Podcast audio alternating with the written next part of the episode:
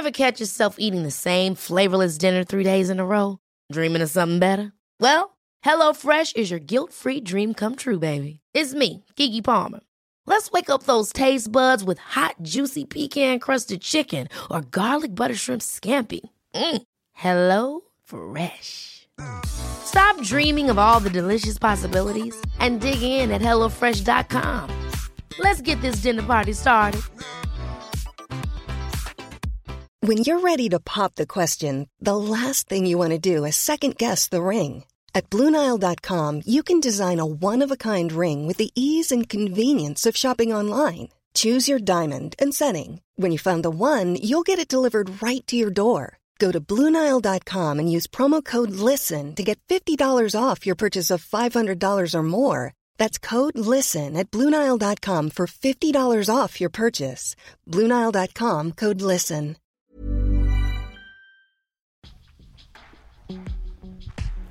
Vad är hederskultur? Det är en fråga jag ställer Hoshi. Han är en person som jobbar och har jobbat inom det ämnet under många år. Jag vill lugnt påstå att han brinner för saken. Han jobbar bland annat med att föreläsa om hedersrelaterade brott och kultur, men även varit en del när FN ska prata om samma ämne. Så mina frågor och funderingar besvarades verkligen av rätt person. Jag är en svensk kille som är uppväxt i detta land och är ärlig att jag har haft många fördomar för att jag inte förstått vad hederskultur är. Varför begår vissa hemska handlingar på grund av att försvara sin familjs heder? Hur kan vi göra för att människor slippa hamna eller vara i en miljö där de utsätts så att deras mänskliga rättigheter kränks?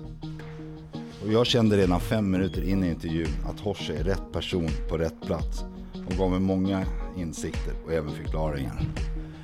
Mitt namn är Joakim Lindén Kastenbäck. Ni lyssnar på Brottsofferpodden.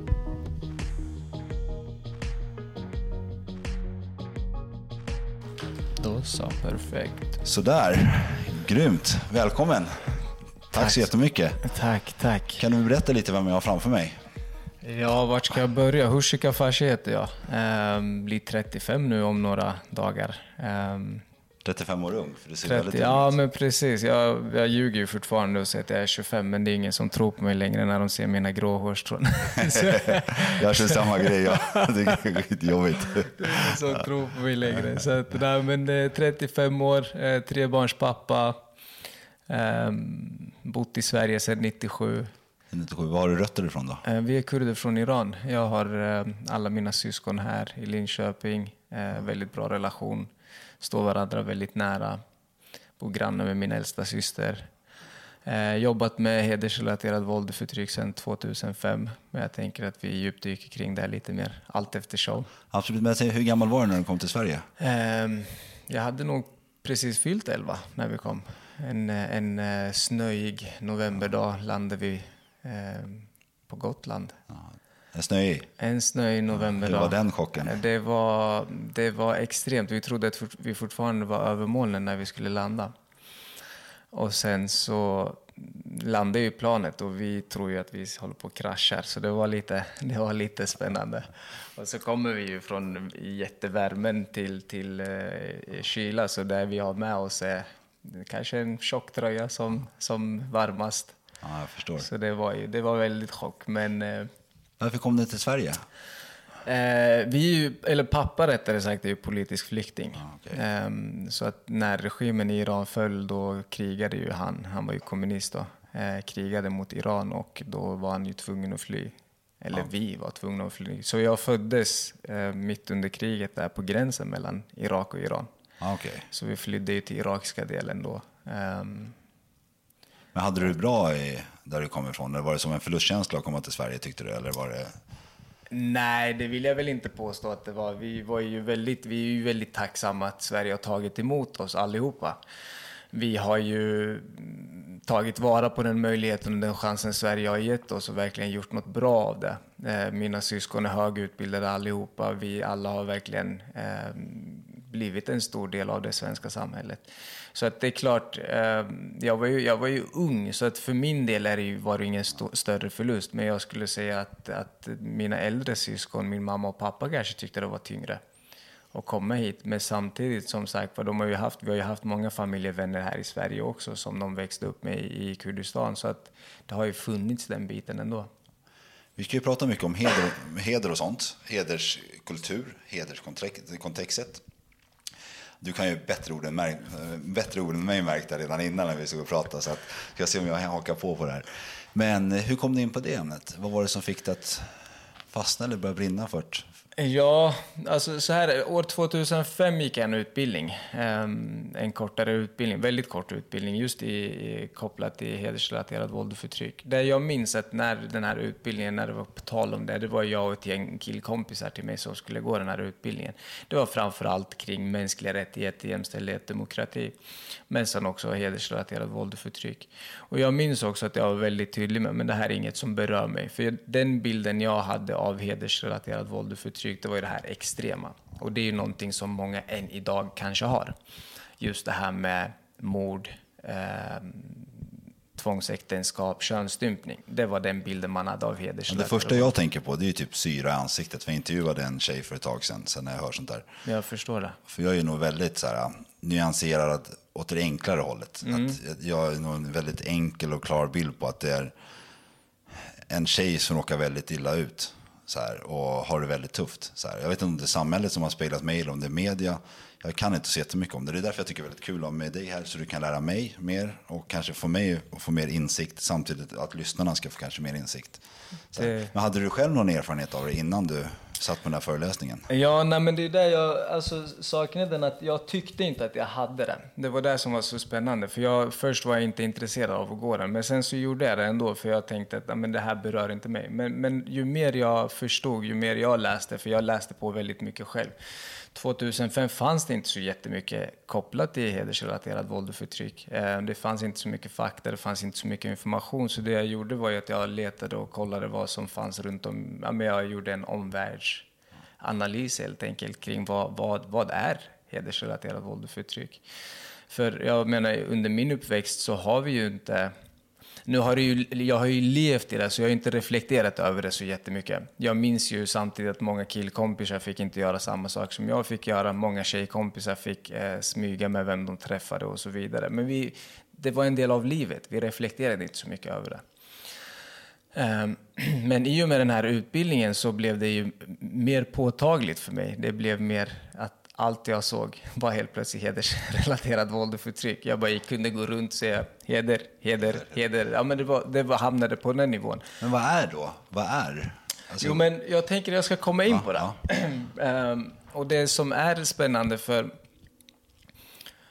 för, för min del så reflekterar jag väldigt mycket kring situationen med mig och mina syskon och framförallt med mig och mina systrar som är då äldst i familjen. Um, och hur det har gått till för dem, om det har funnits krav, förväntningar. Och det har det ju gjort, men inte ur den här um, extrema, utan det har varit vardagliga förväntningar och krav. Så jag var tvungen att kolla, ta reda på hur det har sett ut längre bak i ledet. Jag minns att jag satt och hade den här samtal, diskussionen med, med mamma och ställde frågan, eh, kan inte du berätta hur det gick till när du och pappa gifte er? Um, och hon berättade ju för mig att när hon var väldigt ung så hade pappa sett henne och tyckte att hon var väldigt vacker och blivit förälskad i henne. Varpå han går hem till sin familj då och säger att jag har hittat kvinnan jag vill gifta mig med. Männen på pappas sida åker till männen på mammas sida och säger att eh, vi har en son som är intresserad av er dotter. Säg vad ni vill ha för henne. De på pappas sida hade mycket pengar, mark, guld. Mammas sida var inte alls lika välbärgade. Men mor, äh, morfar säger då att vi är inte är intresserade av mark, guld och pengar. Eh, och då frågar min farfar, vad är ni intresserade av? Då? Jo, jag har en son, säger morfar. Jag vill ha en fru till honom. Varpå min farfar säger, men det är ingen fara, jag har ju massa döttrar. Så då gör de ett, alltså de byter rakt av. Um, så att min, min mamma och morbror gifter sig med min pappa och faster då, i det här. Och då behövde inte ens jag gräva så långt bak för att hitta det här. Eh, sen pratar vi väldigt ofta om, ja, men just det här, många gånger har jag hört, jag har jobbat med frågorna i många år nu, och jag ställer frågan många gånger, eh, för de säger att gift er, kärlek kommer. Gift er först, kärleken kommer. Det, det, är inte det viktigaste just nu. Så jag har frågat många gånger, men hur har det varit? Eh, har det funnits kärlek? Har du ja, men, älskat pappa på det här sättet? Jag har aldrig fått något tydligt svar på det. Men jag har också frågat hur kommer det sig att du, du, stod, ut, du stod ut i så många år och, och levde med honom i så många år? Det jag fick lära mig, och det är det här som är en bit av det här, att som kvinna när du gifter dig med en man, eller blir bortgift i en man, så är allt ni har hans. Okay. Eh, hus, eh, bilar, materiella saker, barnen, vad det än är. Både söner och döttrar blir mannens. Så som kvinna finns det möjlighet att skilja sig. Men då har du allt du har är ju, tillhör ju mannens. Eh, och då blir det samma sak. Det är ju inte garanterat att din familj tar emot dig igen. Din egen familj kanske inte vill ta emot dig igen, för de kommer inte kunna gifta bort dig till någon annan, för du har ju redan haft relation med en man. Så det ställer till det. Så många kvinnor har ju det otroligt svårt att lämna sina män för att de vet att mina barn kommer inte ha det bra. Eh, jag kommer inte klara mig på egen hand. De hamnar i en beroende situation och så vidare. Men i grund och botten handlar väl heders, det hedersrelaterade våldet om att du blir fråntagen dina mänskliga rättigheter. Att varje mans heder är kopplad till kvinnans sexualitet. Därför måste kvinnor, flickor, tjejer sköta sig så att männens heder bevaras. Men man får inte glömma att även pojkar utsätts också. Men det tänker jag att du kommer komma in på lite mer. Ja, Det, det, kommer jag garanterat att göra. Så för att jag gjorde en liten research. Jag bestämde mig in, inför den här intervjun att jag inte skulle göra allt för mycket just om just hedersgrejen. Tänkte att jag skulle komma som den här kanske blåögda typiska svensken som är eh, kanske lite styrd av media eller vad man nu säger. Och har väldigt mycket förutfattade meningar men väldigt lite fakta om dem. Det kanske kan bli... Du kanske sätter mig på plats eller får ge mig lite mer kärleksfulla förklaringar till varför vissa saker är som de är. Men... Eh, vi kommer garanterat komma in på det. Men jag gjorde men jag däremot gjorde lite research om dig. Så här, och det var ju då att jag såg att du bland annat eh, eh, var, var nog blev så inringd av FN och pratade om sådana grejer. Mm. Vad, vad handlar det om? Så här? Eh, ja, nej men eh, FNs eh, kvinnokonvention som hålls varje år i USA är ju eh, ja, men då har vi en svensk delegation som åker ju varje år då, ehm, där eh, Jämställdhetsmyndigheten är delegationsledare. Nu blev det ju tyvärr inte av det just det här året på grund av pandemin. Ehm, men jag fick ju förfrågan om jag skulle ingå i den delegationen som skulle till FN och vara med där då. Så det året när vi skulle vara med live blev det inte av, men året efter då var jag med eh, digitalt. Okay. Så att de hade digitaliserat hela eh, kvinnokommissionen och då körde vi, var jag med på väldigt mycket digitalt. Det måste ha varit jättegivande. Det var bland det coolaste jag gjort att få höra hur man jobbar med de här frågorna. Och då är det inte bara hedersrelaterat våld och förtryck, utan då finns det ju... Eh, man tog fram Peking-plattformen där man skulle eh, på fem år jobba väldigt mycket utifrån kvinnans utsatthet och kämpa för kvinnans rättighet. Eh, och 25 år senare så är ju inte de här målen uppfyllda, för det här är 95 till 2000 skulle de här målen vara uppfyllda. Men nu är vi ju eh, vi är inte ens nära. Nej och uppfylla de målen. Så det var ganska spännande och intressant och väldigt häftigt att få höra hur olika organisationer runt om i, i världen arbetar med de här frågorna. Jag menar allt ifrån länder där man kanske inte alls kommit så långt i jämställdhetsfrågan, där det fortfarande är diktatur och så vidare. Eh, så det var väldigt lärorikt och jag ögonöppnade på alla sätt och vis. Det verkar som att du ändå är rätt person på rätt plats där. Det hoppas jag verkligen. Ja, men det, det, det hoppas jag. Ja, ja, ja. Men alltså, vi tänkte på att du pratar här med förtryck mot kvinnor och sånt där. Det är, numera har det blivit mycket det med metoo, typ att många tjejer är förtryckta. Så här, och många av de här tjejerna kanske vågar dela på sina Instagram och Facebook, hashtag metoo och sånt. Men jag antar att det är svårare i de här situationerna när det kommer till, eh, till vissa familjer och sånt att det är, en, det kanske är en stor tystnadskultur också, att de inte får prata. Så hur når man det då? Jätteintressant att du tar upp det, för det, hela området är ju väldigt tabubelagt. Ja. Um, du är uppvuxen och uppfostrad i, i, i att kollektivet är det viktigaste, är det största. Du överlever inte utan kollektivet. 90 procent av världens länder eh, prioriterar man kultur och eh, familj högst upp. Medan 10 procent är individen och pengar. Jag tror att Sverige är där. Sverige, vi, vi svenskar är ju extremister ja. när det kommer till individen och pengar. Mm. men vi vill ju jättegärna kalla oss själva för mellanmjölksland. För, men det är ju ursäkta, jag vet inte om jag får svära. Men... får jag, får lägga på den här knappen sen. Nej men alltså vi, vi är ju när det kommer till det, och det är ju fantastiskt, det är jättefint. Det vi dock måste förstå är att de människorna som kommer till Sverige från de länder de kommer ifrån, där är det ju väldigt kulturellt och det är kollektivet som styr och ställer. Eh, och för att en kvinna, en tjej, en, en person överhuvudtaget som lever med begränsningar och kontroll ska kunna bryta mot det här måste den också veta att det finns möjligheter att klara sig på egen hand. Och det vet man oftast inte. Oftast vet de inte ens om att de lever med begränsningar och kontroll. Eller att de är utsatta. För det är ju alla andra i deras omgivning lever ju exakt på samma sätt som de gör. Eh, så de förstår ju inte ens vad det här handlar om. Sen har det ju varit att senaste åren, ehm, fem, tio åren, har vi blivit mycket bättre i Sverige på att eh, lyfta upp vad är utsatthet? Eh, hur, hur ter sig utsattheten?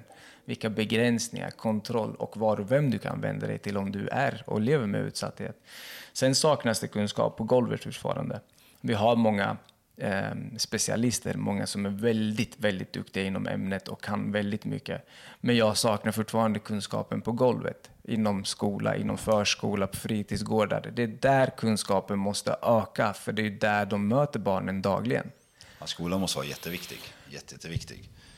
Alltså jag har till och med hört rykten om att, eh, det är ju garanterat rykten, eller jag, jag har ingen aning, men att, att många typ i i förortsskolor att när de kommer in där så sitter kvinnorna längst bak. För att det ska, de ska veta sin plats och sånt. Sen vet inte ens om det stämmer. Men är det så att det stämmer så kanske, nu ska inte jag sprida på någon falsk rykte då. Men att om det hade varit så att det fanns någon sanning i det så är det väldigt viktigt att läraren gör sin roll. Att förstå att man måste ja, blanda.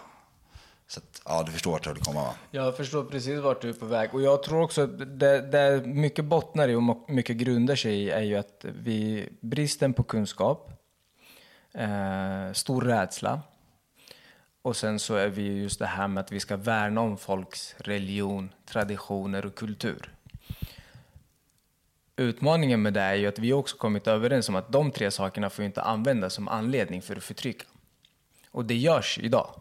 Och därför måste vi gå in och göra någonting och förändra det här många som blir kontrollerade och begränsade eh, använder man ju väldigt mycket kopplat till religion, kopplat till tradition, kopplat till kultur. Eh, och om vi lär oss mer, för vi, först i grund och botten måste vi få förståelse för saker och ting. Ja. För att vi ska kunna förändra någonting så måste vi förstå vad det är vi behöver förändra. Varför ser det ut som det gör? Varför är det byggt på ett visst sätt? Varför är det så viktigt med kulturen? Varför är det så viktigt med att man värnar om kollektivet? Kommer man från en, en kontext där kollektivet är allt, det är ju för att man kommer från system där vi inte har, de inte har de här välfärdssystemen som vi har här i Sverige. Där du på egen hand inte klarar dig. Eh, du har ingen social trygghet, du har ingen ekonomisk trygghet, du har ingen att vända dig till om du behöver eh, e-, e-, ekonomisk hjälp eller om du behöver psykologisk hjälp, vad det nu kan vara. Utan du har de människor du har runt dig som stöttar upp dig. Eh, och så kommer man till ett land där vi har byggt upp ett välfärdssystem som är helt fantastiskt, som fungerar i praktiken. Och kan man inte det, då blir det per automatik att man söker sig till det här kollektivet och att man eh, fortsätter att leva ut efter den. Så att vi måste bli bättre på att lyfta upp de här aspekterna för människor som kommer till Sverige, för människor som bor i förorterna. Så att vi får en förändring på det här. För det var en av de här frågorna jag faktiskt skrev att så här, vad är den största krocken med att alltså, leva i, i svenska samhället? Så här, vad är det krockar mest? Är det att vi är så öppna eller att, ja, att kvinnor får gå klädda hur de vill? Eller, vad tror du är den största krocken? Att alla får träff? Ja. Jag tror att det är väldigt svårt att se vad den största krocken är. Jag skulle nog ha svårt att svara på det. Det finns många krockar. Ehm, jag tror att vi om vi, vi, behöver backa bandet många år. Jag tror att det har tagit Sverige flera hundra år att vara där Sverige är eh, kvinnor och män. Det var inte länge sedan de inte kvinnor fick rösta i Sverige heller. Precis. Eh, kvinnor framför allt, men också vissa män, har ju kämpat för att Sverige ska vara som det är idag. Och det har tagit många år. Och vi har inte haft några krig på många år. Det har inte varit elände på samma sätt. Vi har inte haft svält. Vi har inte haft... Ja, men du förstår vart jag är på väg. Um, Medan i de här länderna så har man inte möjlighet att ta den kampen på samma sätt. Förtryck, eh, svält, krig, elände överhuvudtaget. Så fortsätter det ju bara. Det är, det är en ond cirkel som bara rullar runt. Den möjligheten har de inte som vi har haft där. Så att när de här människorna kommer till Sverige, eh, förstå mig rätt när jag säger de här människorna, nu lät det jättedåligt, men... Ja, men jag förstår. Ja, men vad bra. Jag hoppas att lyssnarna också Ja, det- förstår. det tror jag. Eh, ja, men när, när, vi, när människor kommer från elände och allt det här, när de flyr krig, eh, för det är inte alltid att man vill fly, men, men har- man har inget val. Eh, och då kommer man till ett nytt land, precis som min familj. Vi kom till ett nytt land där vi fick möjligheterna och där vi har tagit vara på de möjligheterna vi har fått. Ehm, och vi är otroligt tacksamma. Och det är ju många, många andra med mig som är väldigt tacksamma gentemot Sverige och där Sverige har gett oss. Det det handlar om väldigt mycket är ju att, att vi måste förstå var de kommer ifrån. Och först när vi har förstått, då kan vi också förändra. Och förstå mig rätt här, jag ser inte att vi ska acceptera. Vi ska få förståelse. Förstår jag, men jag förstår. Jag förstår. Så här, och, men vad tror du att det, vad tror du att det går fel då? Är det att det kommer en familj hit, eller har kommit hit, att, att det inte är pappan eller den som styr familjen informeras att det ska vara på ett visst sätt? Eller att de inte behöver agera på ett visst sätt? Eller är det så att om det här beteendet händer i alla fall så blir det att det är sånt hedersbrott som det kallas? Eller vad, vad, vad, vad tycker du att vi ska göra? Det är ju så här en miljon kronors fråga kanske. Så att, vad, Nej men alltså så här är det. jag förstår det, här, nu pratar vi om skolan också, att det är jätteviktigt. Så här, men om vi säger, för att min förhoppning är att vi ska kunna hjälpa många, många fler. Liksom, så här, så här, och för att det ska på något sätt lära oss av tidigare misstag så finns det någonting man kan börja med redan direkt. Ja, men precis. Jag, jag tror återigen, jag tror att vi, vi måste all, eh, generellt bli mycket bättre på de här frågorna. Det finns många som anser att, att hedersproblematiken är invandrarproblem och då måste invandrarna själva handskas med det. Eh, och det är jättefel in, ingångsvinkel i det här, för att det är ett problem vi har gemensamt i Sverige, precis på samma sätt som det är med sexuella övergrepp, med mäns våld mot kvinnor, våld i nära relationer, med mobbing, vad det än är. Det är ett problem vi har tillsammans, gemensamt i Sverige. Hedersproblematiken är ett ett, ett problem som finns i Sverige, exakt. ett svenskt Precis, som, som vi har ett gemensamt. Och för att vi ska få förändring på den så måste vi tillsammans förebygga. Och då räcker det inte att vi, har, att vi attackerar problematiken från ett håll. Utan då måste man attackera den från alla möjliga håll. Skola, förskola, jättebra. Jätteviktigt för dem på golvet. Eh, vi har skolplikt, barnen går till skolan varje dag. Personal på inom skolan måste bli mycket bättre och kunna se signalerna, kunna förstå vad, vad är det som händer här. De ska veta vilka frågor de ska ställa och vad svaren betyder eh, på frågorna. För att på så sätt också på ett väldigt enkelt sätt kunna veta, men rör det sig om hedersrelaterat våld och förtryck? Var och vem kan jag vända mig till om det är så att jag har ett barn på skolan som faktiskt lever med begränsningar och kontroll? Samhället i stort, jag menar socialtjänster och myndigheter överlag måste bli mycket, mycket bättre på frågorna.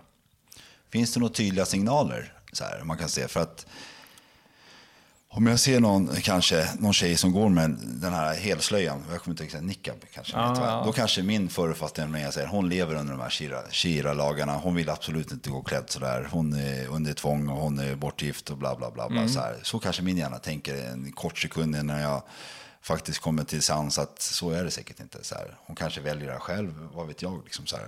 Men finns det några tydliga signaler som, ja, som säger att det, är, att det är på väg att bli ett brott eller Ja, att, men det, att, det är fel, att vi är fel ute? Det, det finns många signaler och många tecken man kan se efter. Det kan vara allt ifrån att man inte får ha vänner av motsatta kön, eh, att man inte får välja att klä sig som man själv vill, att man inte får delta i vissa, på vissa lektioner. Det kan vara att man inte får följa med på utflykter som skolan anordnar. Att man eh, inte får ha, välja en, att få älska vem man vill. Eh, och det finns många, många andra saker. Att man inte har rätt till en fritid, att det, man måste gå till skolan och sen direkt, direkt hem.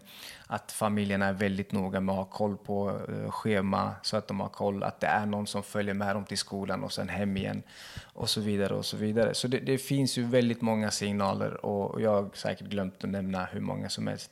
Och det är ju enkla signaler du ser, det är inga svåra signaler.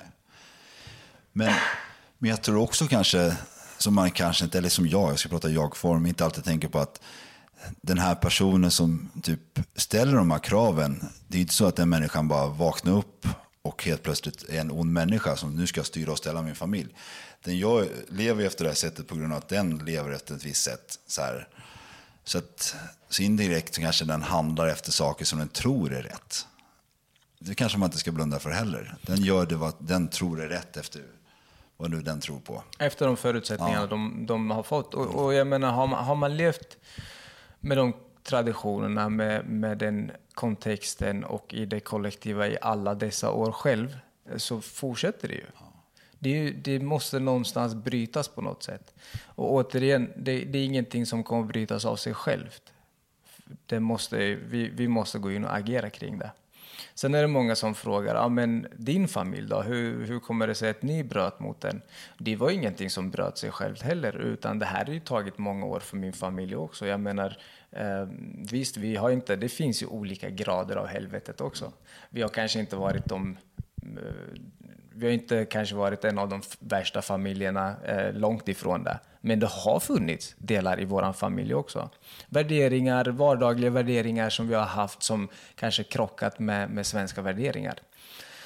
Eh, det har funnits andra delar, men sen finns det också de här extrema delarna med tvångsäktenskap, könsstympning, uppfostringsresor. Eh, Planning for your next trip? Elevate your travel style with Quince. Quince has all the jet setting essentials you'll want for your next getaway, like European linen, premium luggage options, buttery soft Italian leather bags, and so much more. And is all priced at 50 to 80% less than similar brands. Plus, Quince only works with factories that use safe and ethical manufacturing practices. Pack your bags with high-quality essentials you'll be wearing for vacations to come with Quince. Go to quince.com/pack for free shipping and 365-day returns. There's never been a faster or easier way to start your weight loss journey than with PlushCare.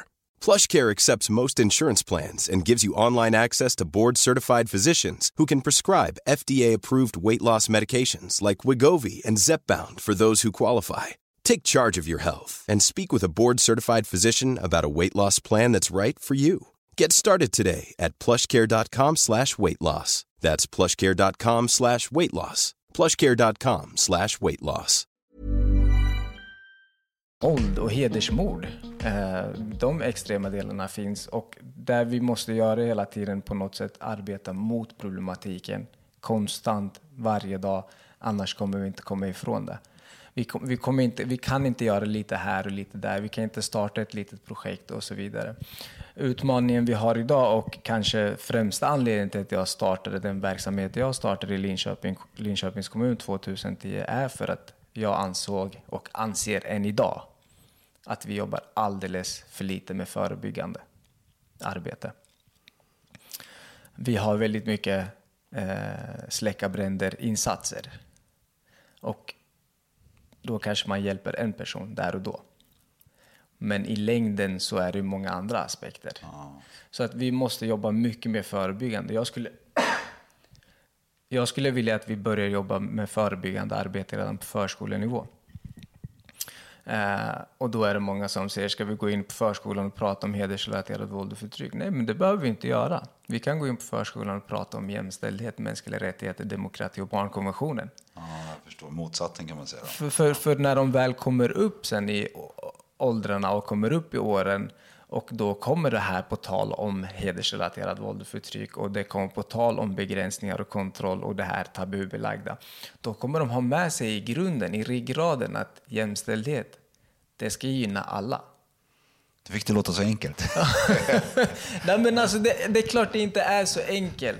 Men, men, och det är det här som är, jag har suttit i många diskussioner, i många samtal där må, många säger att när den här äldre generationen försvinner, då kommer den här yngre generationen per automatik, eh, det kommer bli bättre. Men jag, jag, förlåt att jag är negativ, negativ, men jag tror inte saker blir bättre av sig själv. Det är inte så att jämställdhet är någonting vi kan ställa i ett hörn och sen tro att den kommer klara sig själv och att, att den kommer eh, utvecklas och fostras och, och, och livnära sig själv. Vi måste mata den.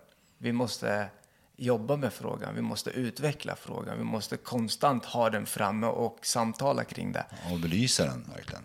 Verkligen, och, och först då kanske vi, vi kan hoppas på att framtida generationer, eller den här generationen, kommer tänka jämställt. Ja. Alltså jag hoppas verkligen det. Så här. Där, där igen att du är rätt person på rätt plats. Eh, men jag tänkte på, jag reagerar på det ordet. Också det var det jag läste i en artikel som du hade varit på, jag vet inte om det var SVT eller någonting. Där du pratade om uppfostringsresor. Jag har aldrig hört det ordet förut. Jag läste om det, det var en jätteintressant artikel. Och jag har inte ens tänkt på det innan. Här, när jag tänker på mycket hedersrelaterat, då tänker jag på syra ansikte som jag sa, bortgifte mm. och könsstympning framför allt. Och allting drabbar kvinnor. Men man kanske, inte, man kanske inte tänker på att det finns det faktiskt någonting som unga killar drabbas av. Så här. Så mm. Kan du berätta lite mer om? Det finns ju, för, utöver, förutom med uppfostringsresor så finns det ju många andra saker som unga killar eh, drabbas av också, eller killar överhuvudtaget. Eh, både pojkar, killar, unga killar och uh, unga vuxna och vuxna män påverkas av. Eh, det finns ju det finns ju en... 2005 skedde ju mordet på Abbas. Innan det så pratade vi inte om pojkarna så mycket utifrån att de också var offer där vi pratar väldigt mycket omkring pojkarna var ju att de var förövare. Men sen sker ju det här mordet på Abbas 2005. Jag vet inte om du har hört talas om det? Jag tror inte jag gjort det. Um, extremt. Alltså det var fruktansvärt mord och det var precis i samma veva jag började läsa på om det här med hedersrelaterat våld och förtryck. Då var det ju att um, Abbas och en tjej blir förälskade i varandra. Eh, men den här tjejens familj har redan gift bort, lovat bort tjejen då, till någon annan. Så tjejen flyr ju till Abbas i en annan stad. Och familjen eh, hotar och skickar massor och ska skrämma och allt möjligt. Men det funkar inte. Men sen så ändrar de strategi och säger men kom hit till oss så får ni gifta er enligt våra traditioner och värderingar. Vi går med på att ni gifter er. Eh, lång historia kort så åker de dit. Eh, det slutar med att de, eh, de torterar Abbas till döds. Det är alltifrån kokande olja, det är massa knivhugg. För det Abbas har gjort att han har smutsat ner deras, han har fått deras, han har fått dem att tappa ansiktet. Och mm. nu ska de på samma sätt få honom att verkligen lida för det. Och då börjar man prata om just pojkarnas utsatthet och pojkarnas roll i det här. Sen finns det många pojkar som växer upp och lever in och hittar sin roll i det här, att de ska fortsätta på samma sätt. Jag har jobbat med unga pojkar och män i, i många år nu. Jag har sett båda delarna. Jag har sett många pojkar som själva tycker att det här är jättebra. Sen finns det de som säger att jag är jätteemot det, men om hela min familj vill att jag ska döda min syster, vad ska jag göra? Jag har inget val, jag måste göra det. Det är för min familjs bästa. Det låter hemskt att höra verkligen. Jo, men precis. Det är fruktansvärt. Sen finns det de pojkar som säger att jag läxar upp min syster, jag lär upp min syster. Jag, eh, om jag gör det så gör jag det lösare än vad pappa gör. Om jag drar min syster i håret så gör jag det lösare. Det gör jag för att jag älskar min syster. De vet inte bättre än så här. Det här är vad de har lärt sig. Det är våldet. De har lärt sig på det här sättet.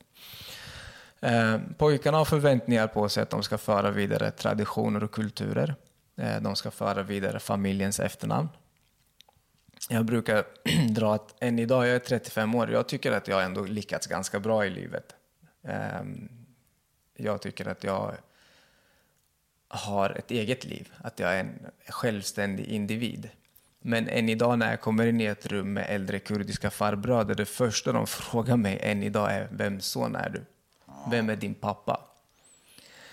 Visar det sig att min pappa är en bra människa så är jag också bra. Visar det sig att min pappa är en dålig människa då är jag per automatik dålig. Ja, det är så alltså. Det är än idag, jag säger till er, jag fyller 35 snart. Än idag kommer jag in i ett rum med äldre farbröder så är det första de frågar vem son är du? Och därför så tycker jag att det är jätteroligt att jag alltid säger min mammas namn och då får de ju panik och blir skitarga. jag tur att inte jag blir dömd efter min pappa, för då hade jag kört alltså. Nej men alltså, och, och, så är det ju. Du, du är inte bättre än din egen pappa.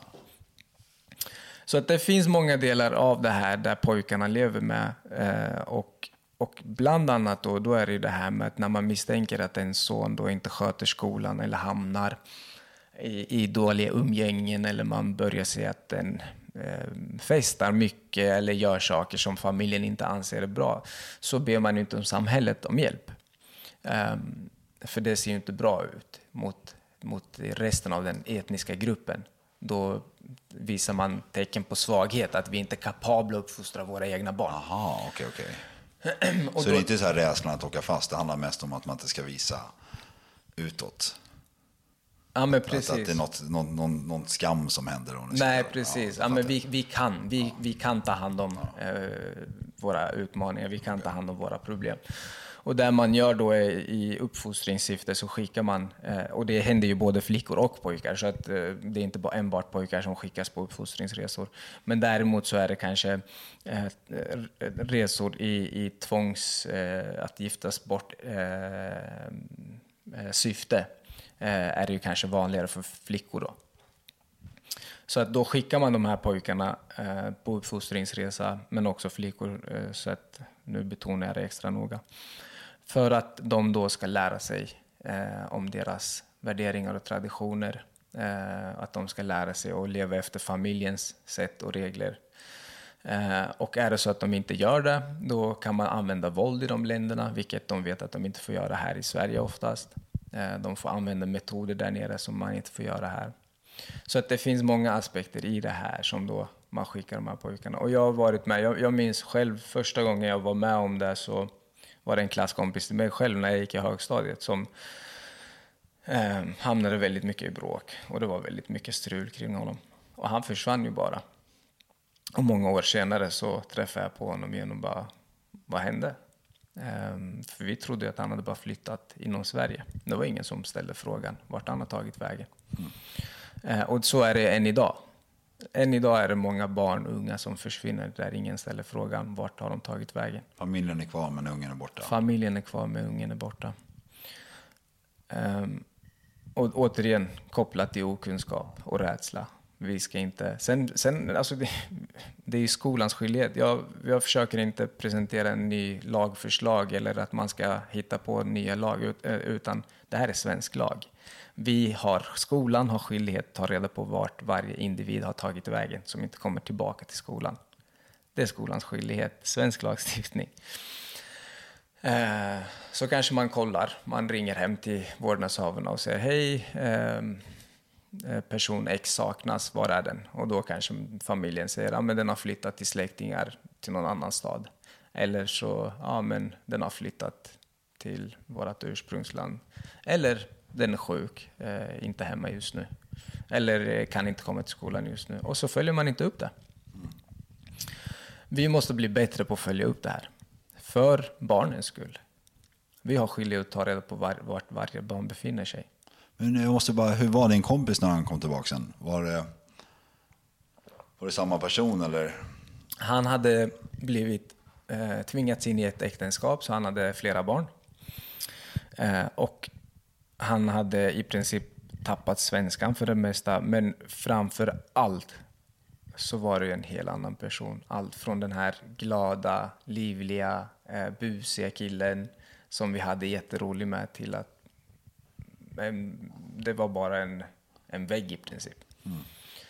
Eh, och han berättade ju såklart om tortyren, om våldet, om, eh, om eh, skickades till, till eh, skolan där man skulle lära sig religion och de värderingarna de hade.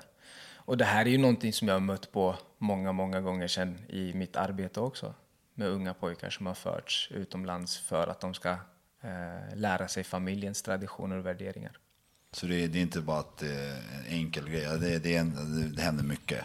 Det händer, det händer det, jag skulle säga det är vanligare än vad man tror. Eh, Nationella kompetensteamet mot hedersrelaterat våld och förtryck gjorde en kartläggning 2020 kring hur det såg ut med saknade personer eh, 2019. Och då fick man fram att socialtjänsterna har vetskap och kunskap om att det saknas 199 personer. Och det är vad socialtjänsterna har fått till sig. Och för, då får du tänka hur många som de inte fått till sig. Kontexten, hela, alltså just det hedersrelaterade våld, det, det är ett väldigt brett område. Um, och 2010 när jag startade en verksamhet i Linköpings kommun, då var jag övertygad om att jag var eh, bäst i världen på, på problematiken. Ehm, men nu, 11 år senare, så sitter jag framför dig och säger att, och då ska jag vara ärlig mot dig Jocke, jag har läst, jag har gått många kurser, jag har gått massa utbildningar, jag har läst och läst och läst och läst. Eh, jag har till och med jobbat som sakkunnig på nationella kompetensteamet. Eh, men jag sitter ödmjukt framför dig och säger att jag kan inte så jättemycket. Och det är inte att jag har blivit sämre, det är att jag har fått förståelse och inser hur komplex den här problematiken är. Och hur mycket vi har kvar att göra.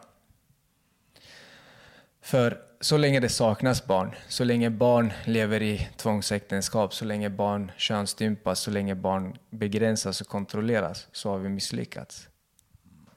Ja, det, det, det håller jag verkligen med om. För jag vet ju typ, om vi tar Järva i Stockholm så är det ju det är väldigt segregerat tyvärr. Det är, tyvärr, vi har ju verkligen, samhället har verkligen misslyckats där. Och där, jag tror att det är väldigt svårt, men det kan inte vara omöjligt att nå de områdena där det bor väldigt många i en lägenhet. Så här, och, och kanske, och ja, som kanske bör bli nådda. Så här. Ja, jag vet återigen, för ett sidospår. Ja, nej, men jag, tror, jag, jag hör vad du säger. Eh, Hur, hur når vi de barnen? Hur, hur når vi personer som lever med begränsningar och kontroll? Jag tror att vi måste ha... Skolan är den bästa plattformen, än en gång. Nu tror jag jag börjar bli tjatig Ja, kring men det är skolan. bra, det är bra, jag tror också. Men, men, men det är ju en av de bästa plattformarna, för där det är ju fortfarande skolplikt. Eh, Alla barn måste gå till skolan.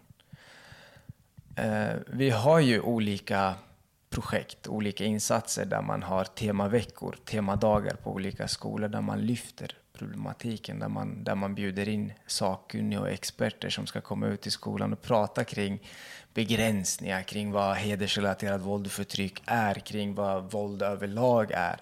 Och det, det är ju jättefint att det finns. Eh, missförstå mig rätt. Jag säger inte att det är något dåligt. Det är fantastiskt att det, de satsningarna finns.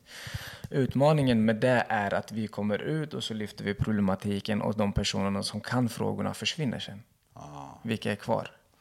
Ja, de som inte behöver bli nådda kanske. De som, ja, men de som inte kan problematiken, de som inte kan möta upp. Så om du, om du kommer fram till mig och säger ja, men det här är vad hedersrelaterat våld och förtryck är och jag säger shit, det här är ju mitt liv du pratar om.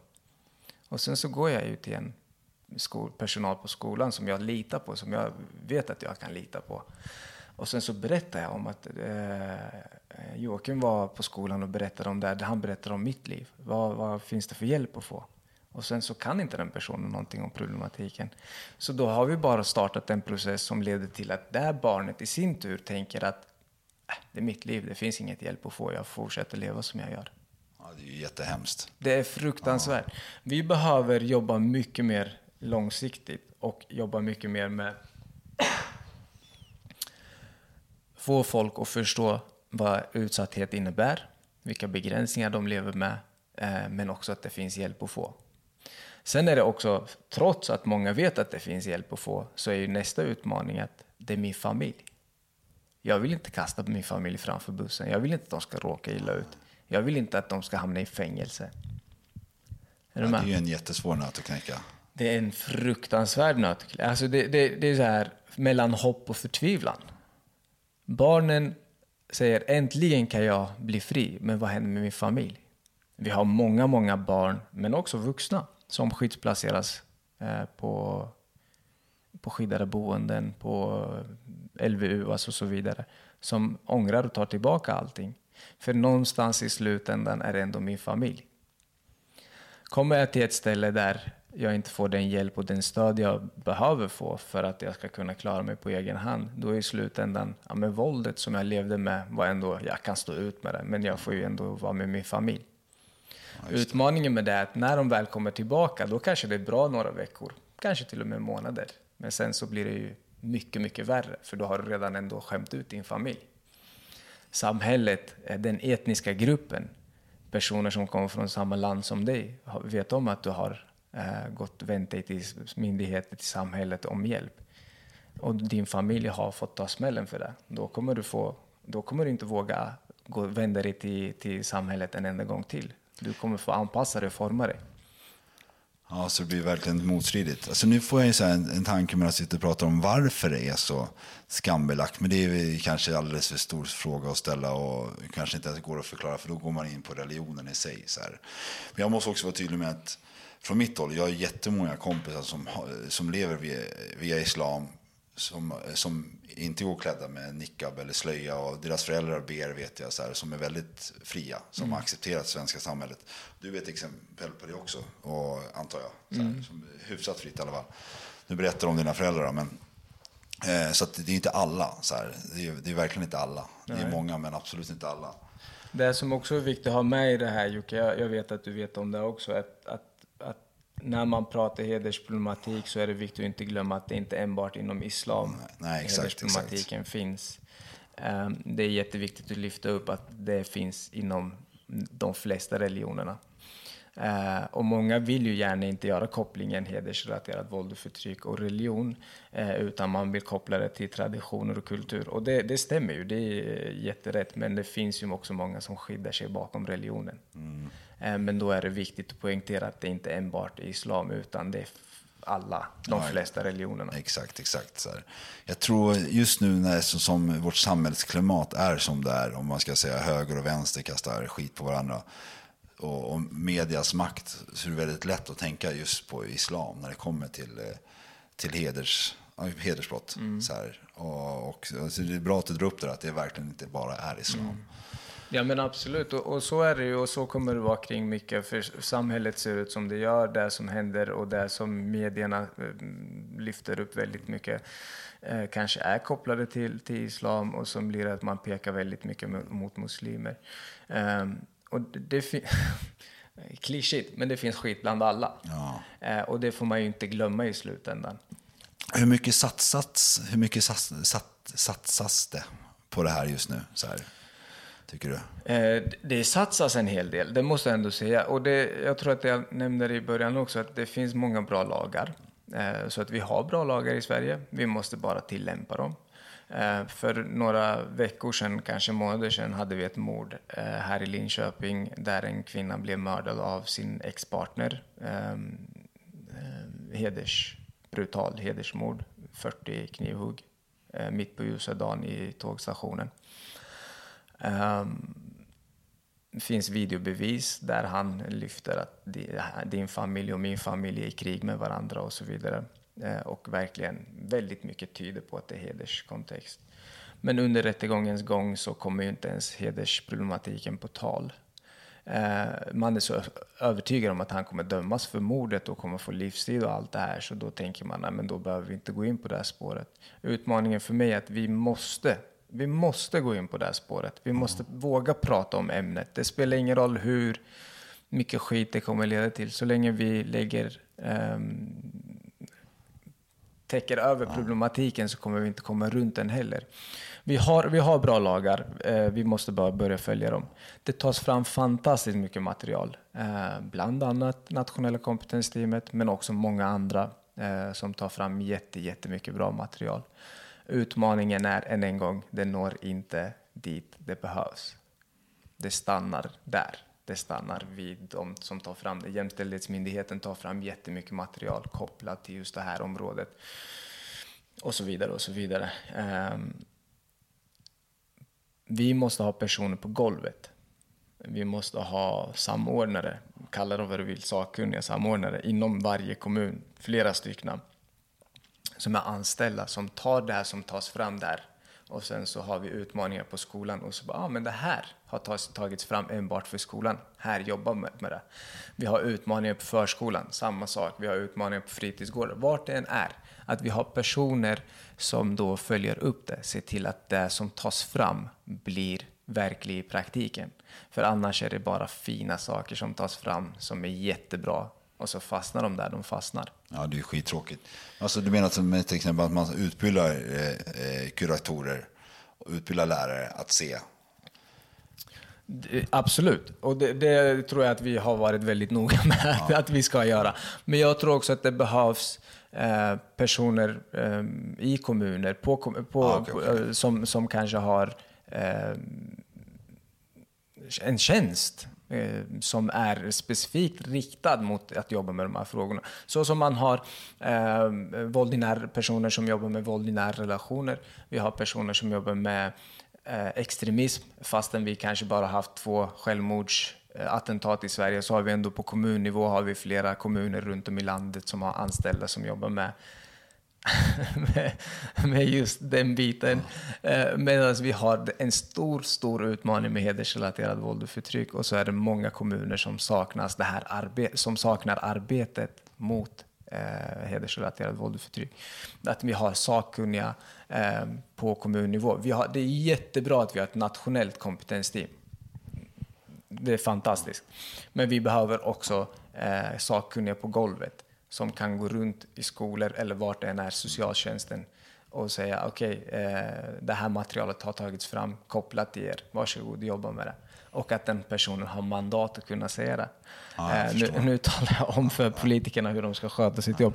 Men, men, men jag, alltså jag har sett för mycket och jag, och jag vet att vi behöver göra de här insatserna för att vi ska uppnå någonting. Men känns det som att de vill jobba åt det här målet också? Det är bara att de inte de saknar kunskapen själva och förstår att, vad de ska göra mera, eller?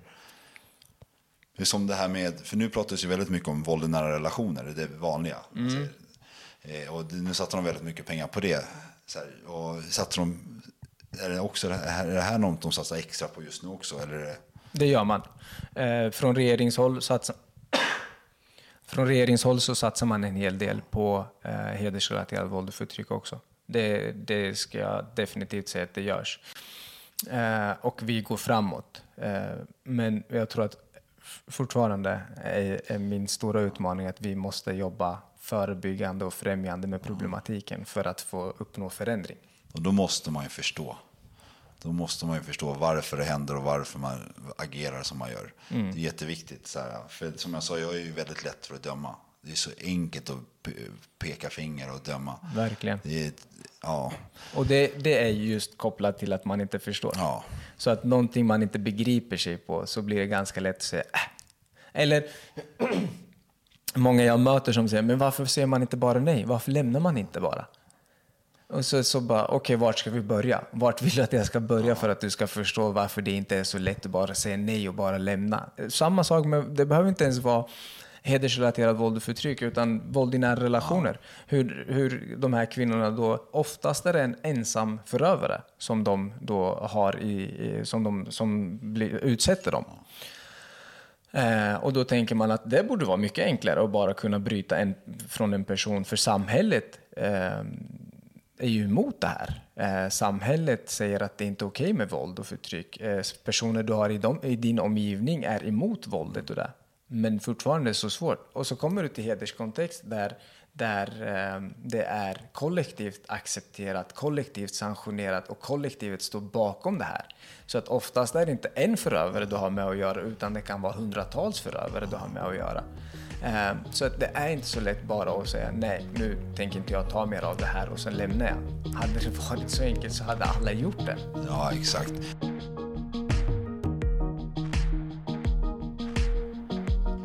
Detta var del ett av två av Hederskultur. Del två kommer ut om någon dag eller finns redan ute beroende på när ni lyssnar på det här avsnittet. Eh, glöm inte att följa oss på Instagram och Facebook Eh, under namnet Brottsofferpodden och tveka inte att höra av dig till mig på mail eh, brottsofferpodden at gmail.com eller på PM på Facebook och Instagram. Tack igen, hörs snart igen. Historien som berättas har satt sina spår Finns ingen skam att känna men den känns ändå Känn dig aldrig ensam med minnen du bär på. Det är inte din skuld att bära. Jag hoppas du förstår, var skulden ligger.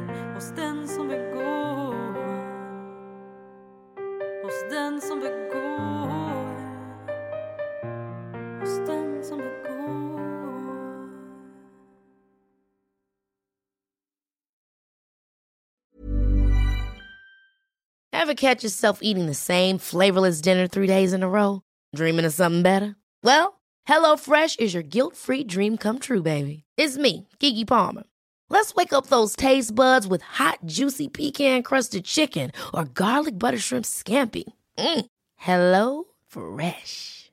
Stop dreaming of all the delicious possibilities and dig in at HelloFresh.com. Let's get this dinner party started. Hey, it's Paige DeSorbo from Giggly Squad. High quality fashion without the price tag. Say hello to Quince. I'm snagging high-end essentials like cozy cashmere sweaters, sleek leather jackets, fine jewelry, and so much more. With Quince being 50 to 80% less than similar brands.